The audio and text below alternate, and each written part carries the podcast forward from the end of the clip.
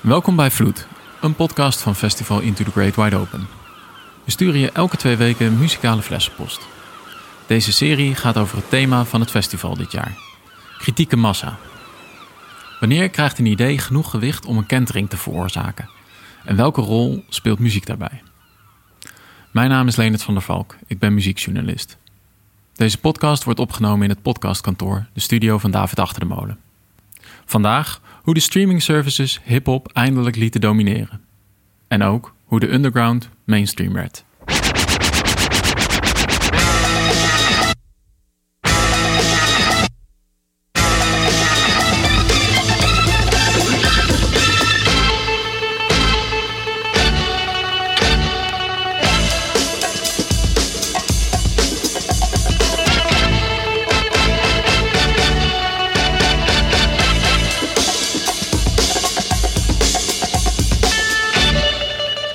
Top 10 meest gestreamde nummers in 2019 in Amerika waren er 6 hip-hop songs. Van de top 100 waren dat er 52.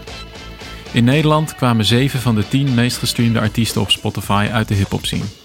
Hip-hop domineert de muziekindustrie. Het verhaal van het genre is het verhaal van de krantenjongen die miljonair wordt. De Amerikaanse droom. Maar het is ook een illustratie van een complexe dynamiek die je vaak ziet in de popmuziek. Van de underground die zo succesvol tegen de mainstream schopt dat het zelf mainstream wordt. En in dit geval van het geluid van verzet dat zoveel kritieke massa vertegenwoordigt dat het onderdeel wordt van de dominante cultuur waar het zich juist tegen verzet. Tijdens zijn fameuze houseparties in de Bronx in 1972 introduceerde DJ Kool Herc voor het eerst een DJ-techniek waarmee hij de breaks uit soul- en funkplaten kon verlengen, zodat mensen langer konden dansen. Hij begon ook te MC'en, te rijmen op de beat. De drie founding fathers van hip-hop, Kool Herc, Africa Bambata en Grandmaster Flash, die je net hoorde, kwamen allemaal uit de Bronx. Als je vanuit dat New Yorkse stadsdeel naar het zuiden kijkt, zie je de skyline van Manhattan, de wolkenkrabbers van de miljonairs. Maar daar had hip-hop niks mee te maken. De muziek ontstond in de projects, de arme buurten waar voornamelijk New Yorkers woonden met Caribische en Afrikaanse roots. Wat DJ Kool Herc op de draaitafels deed, leende hij uit zijn Jamaicaanse achtergrond, waar de soundsystems al langer bestonden en een podium boden voor sociale en politieke kritiek. Naast DJ'en bestaat hip-hopcultuur uit nog drie elementen met een soort gelijke achtergrond. Breakdancing lijkt niet voor niks veel op de Braziliaanse capoeira en andere Afrikaanse vechtkunsten die tijdens slavernij ontstonden in Zuid-Amerika. Ook graffiti is natuurlijk een vorm van verzet en strijd. Als niemand je in het museum hangt, dan maak je van de openbare ruimte je museum. En de combinatie van sociaal commentaar, opschepperij en humor hoor je ook bijvoorbeeld terug in de Calypso uit Trinidad. Trouwens, de eerste rap uit Amerika was al te horen in gospel. Leg de Golden Gate Quartet uit 1937 maar eens naast Rapper's Delight uit 1979. Well, the preacher fell down on his knees and sent up a great long prayer. While he cast one eye way up towards the heaven, he kept the other on the bear.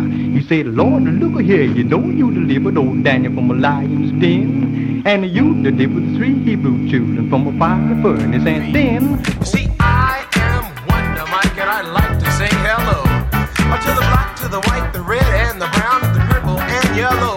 I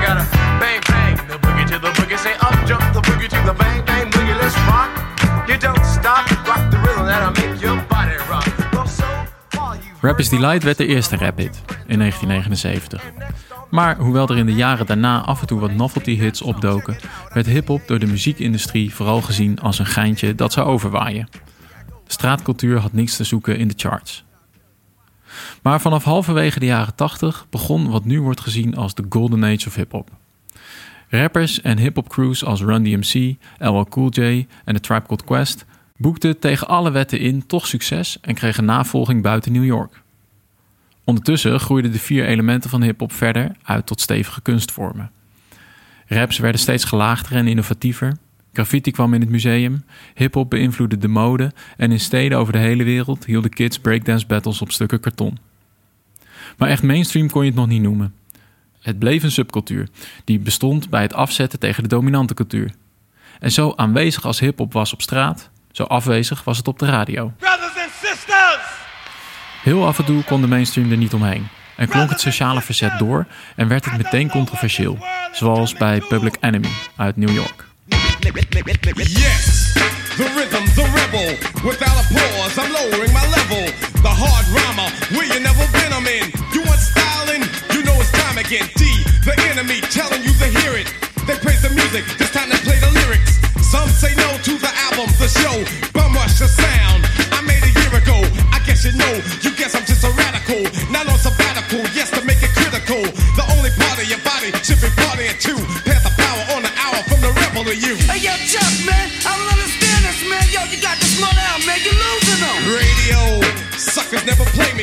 Radio, Suckers Never Play Me.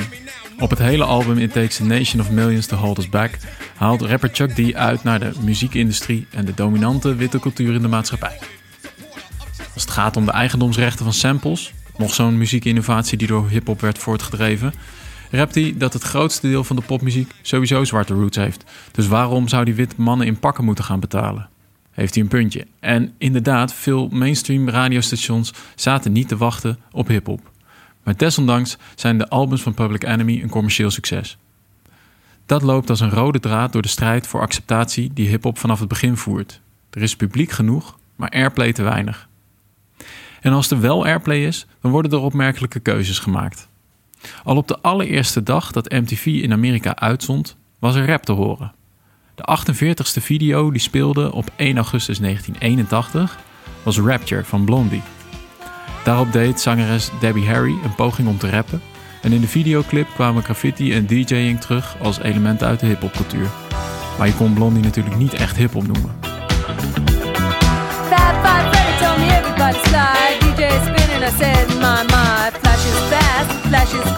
Fast,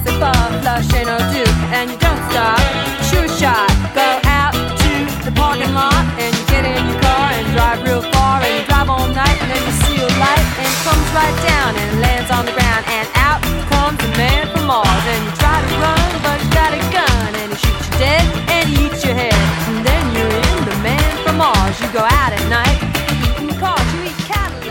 Na die eerste uitzending was het nog drie jaar wachten voor de eerste echte hip-hop track te horen en te zien was. Om dat voor elkaar te krijgen had Run DMC op het nummer Rockbox trouwens nog wel een rockgitaarsolo nodig. Die werd expliciet ingezet om mainstream aandacht te krijgen. Aanvankelijk maakten ze ook een versie zonder gitaar om hun street credibility te behouden. Maar ze kwamen er al snel achter dat ook hip-hop liefhebbers best van een scheurende gitaar hielden.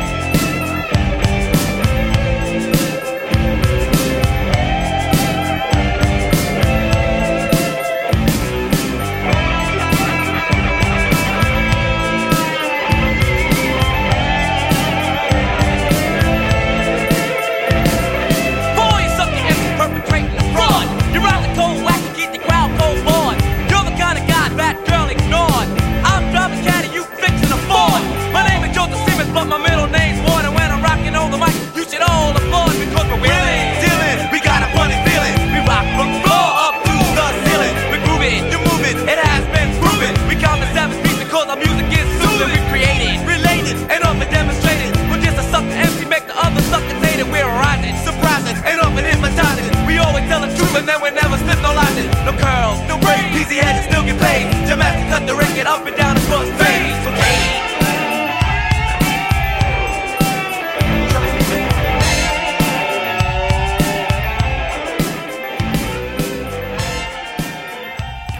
Hip-hop verspreidde zich over de hele wereld, ook naar Nederland. Veel van de eerste rap was Engelstalig en ook hier werden de beperkte commerciële successen vooral one-hit wonders. De holiday rap van Micah G en DJ Sven bereikte nummer 1 in maar liefst 34 landen. Maar ondergronds broeide er meer. De polderversie van politieke en sociale kritiek kwam vooral naar buiten in Nederlandstalige teksten. De nederhop werd geboren, met Osdorp Possie aan de wieg. Aanvankelijk gebruikten ze vaak directe vertalingen. Zo werd No Sleep Till Brooklyn van de Beastie Boys geen slaap tot Osdorp. Maar al snel kwamen ze met bijtende teksten. Naast scratchen en rappen scheurde er bij de OP ook regelmatig een punkgitaar doorheen. En ook hier was er de afkeer van de mainstream en tegelijk de roep om erkenning.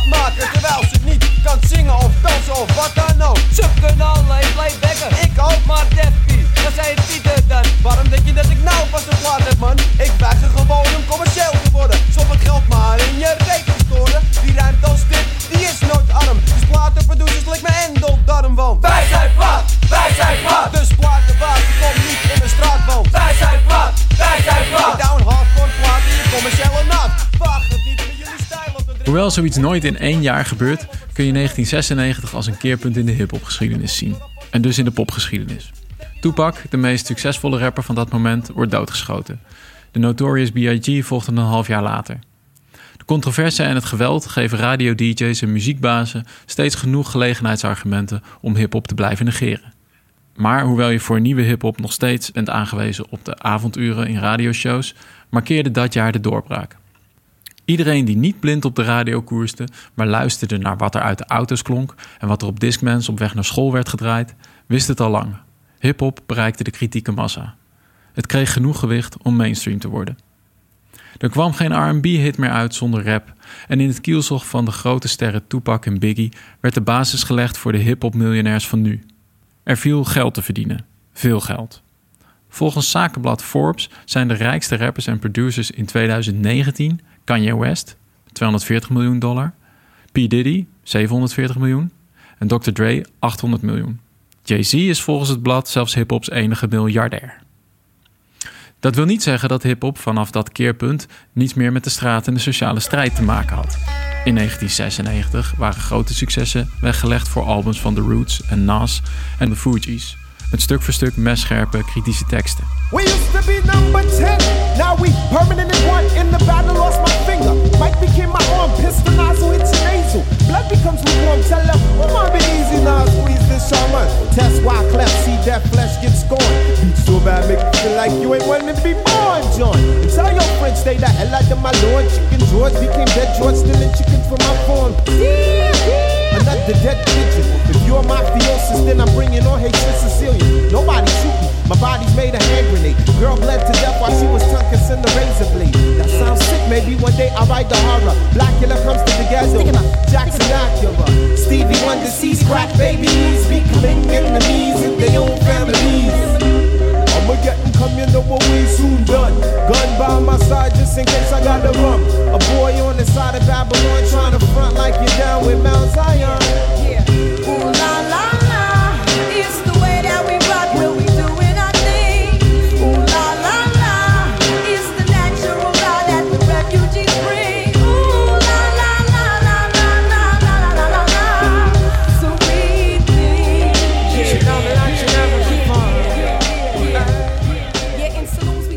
Onwaarschijnlijke commerciële succes en de enorme invloed op andere muziek, mode en kunst, bleef de airplay voor hip-hop op de radio en televisie nog lange tijd achter. Dat begint vooral op te vallen wanneer de hits zijn die zo rond 2010 op YouTube een enorm aantal views bereiken, maar niet of nauwelijks te horen zijn op de grote zenders. Online, waar niet de DJ's en zenderbazen domineren, maar de luisteraar zelf bepaalt, ontstaan er door de streamingcijfers alternatieve hitlijsten. Ook in Nederland speelt de discussie. De nederhop is ondertussen uitgegroeid tot een grote scene waar innovatieve beats en teksten over elkaar heen buitelen. Maar nog maar vijf jaar geleden voelde Fresco zich geroepen om, samen met onder meer de witte rockers van Go Back to the Zoo, het satirische nummer Zo Doe Je Dat te maken. Over de wit-ivoren toren van 3FM en andere stations. Tight, man. Maar helaas ben je niet een white man. Sorry! Je bent op internet een hype kan. Maar never dat Giel Belen jou draait, want... Waarom? Die yo-yo hip-hop is te saai, man. Saai! Doe iets met een band, net als Kite, man. Kite, man! Gersenkrantje, papi, dat is tight, man. Man! Deze sound is ook veel te Jamaica. Jamaica! Geen trommels en ratelen, dat is negerherrie. Nicki Minaj is te donker, geef me Katy Perry. Geef me Iggy Azalea, die prachtige snal. Dan blaf ik er wal, mijn stappen naar hal. Spring uit die kalo, slachtoffer Gooi een beetje dance en met rock voor een hit man Nigga blik je huid, je moet loco als een wit man Nigga zo doe je dat, nigga zo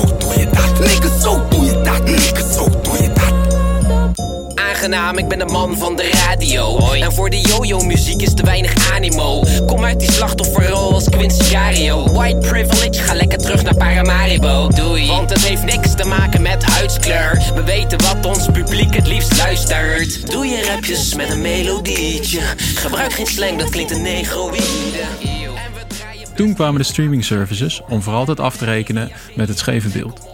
Op welke manier je ook naar de cijfers van Apple en Spotify kijkt, hip-hop domineert. En in Nederland domineert de Nederlandstalige rap. De meest gestreamde artiesten van 2019 waren Frenna, Snelle, Busy en Lil Kleine. Allemaal met overwegend Nederlandstalige raps. Frenna haalde deze zomer de mijlpaal van 1 miljard streams op Spotify. Schat, we gaan in de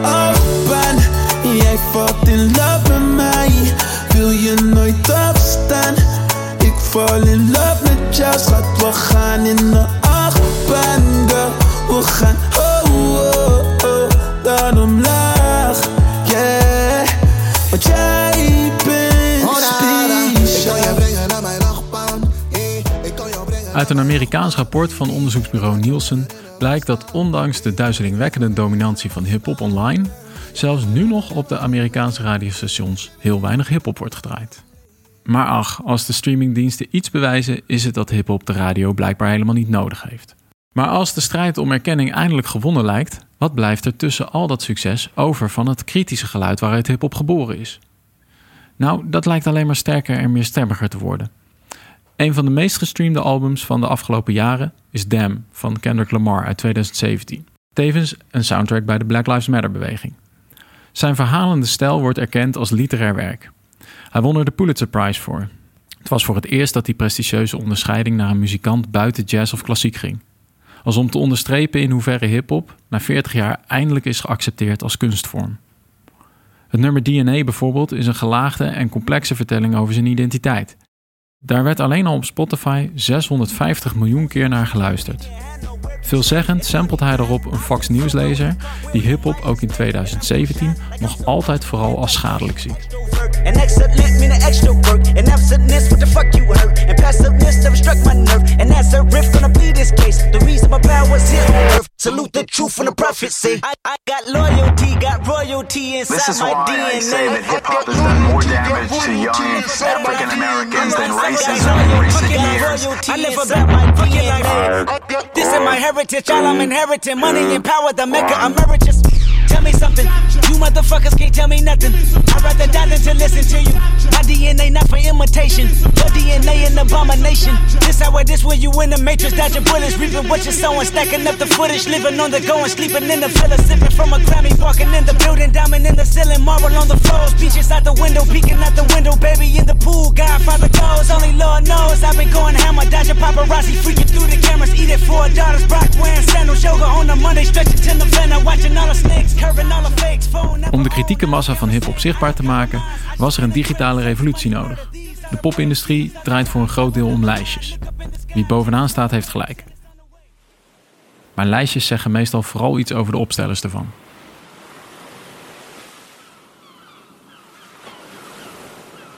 In de volgende aflevering van Vloed gaan we op zoek naar de meest invloedrijke muzikanten die je zelden bovenaan die lijstjes ziet. Waarom niet? Omdat het vrouwen zijn. Tot de volgende vloed.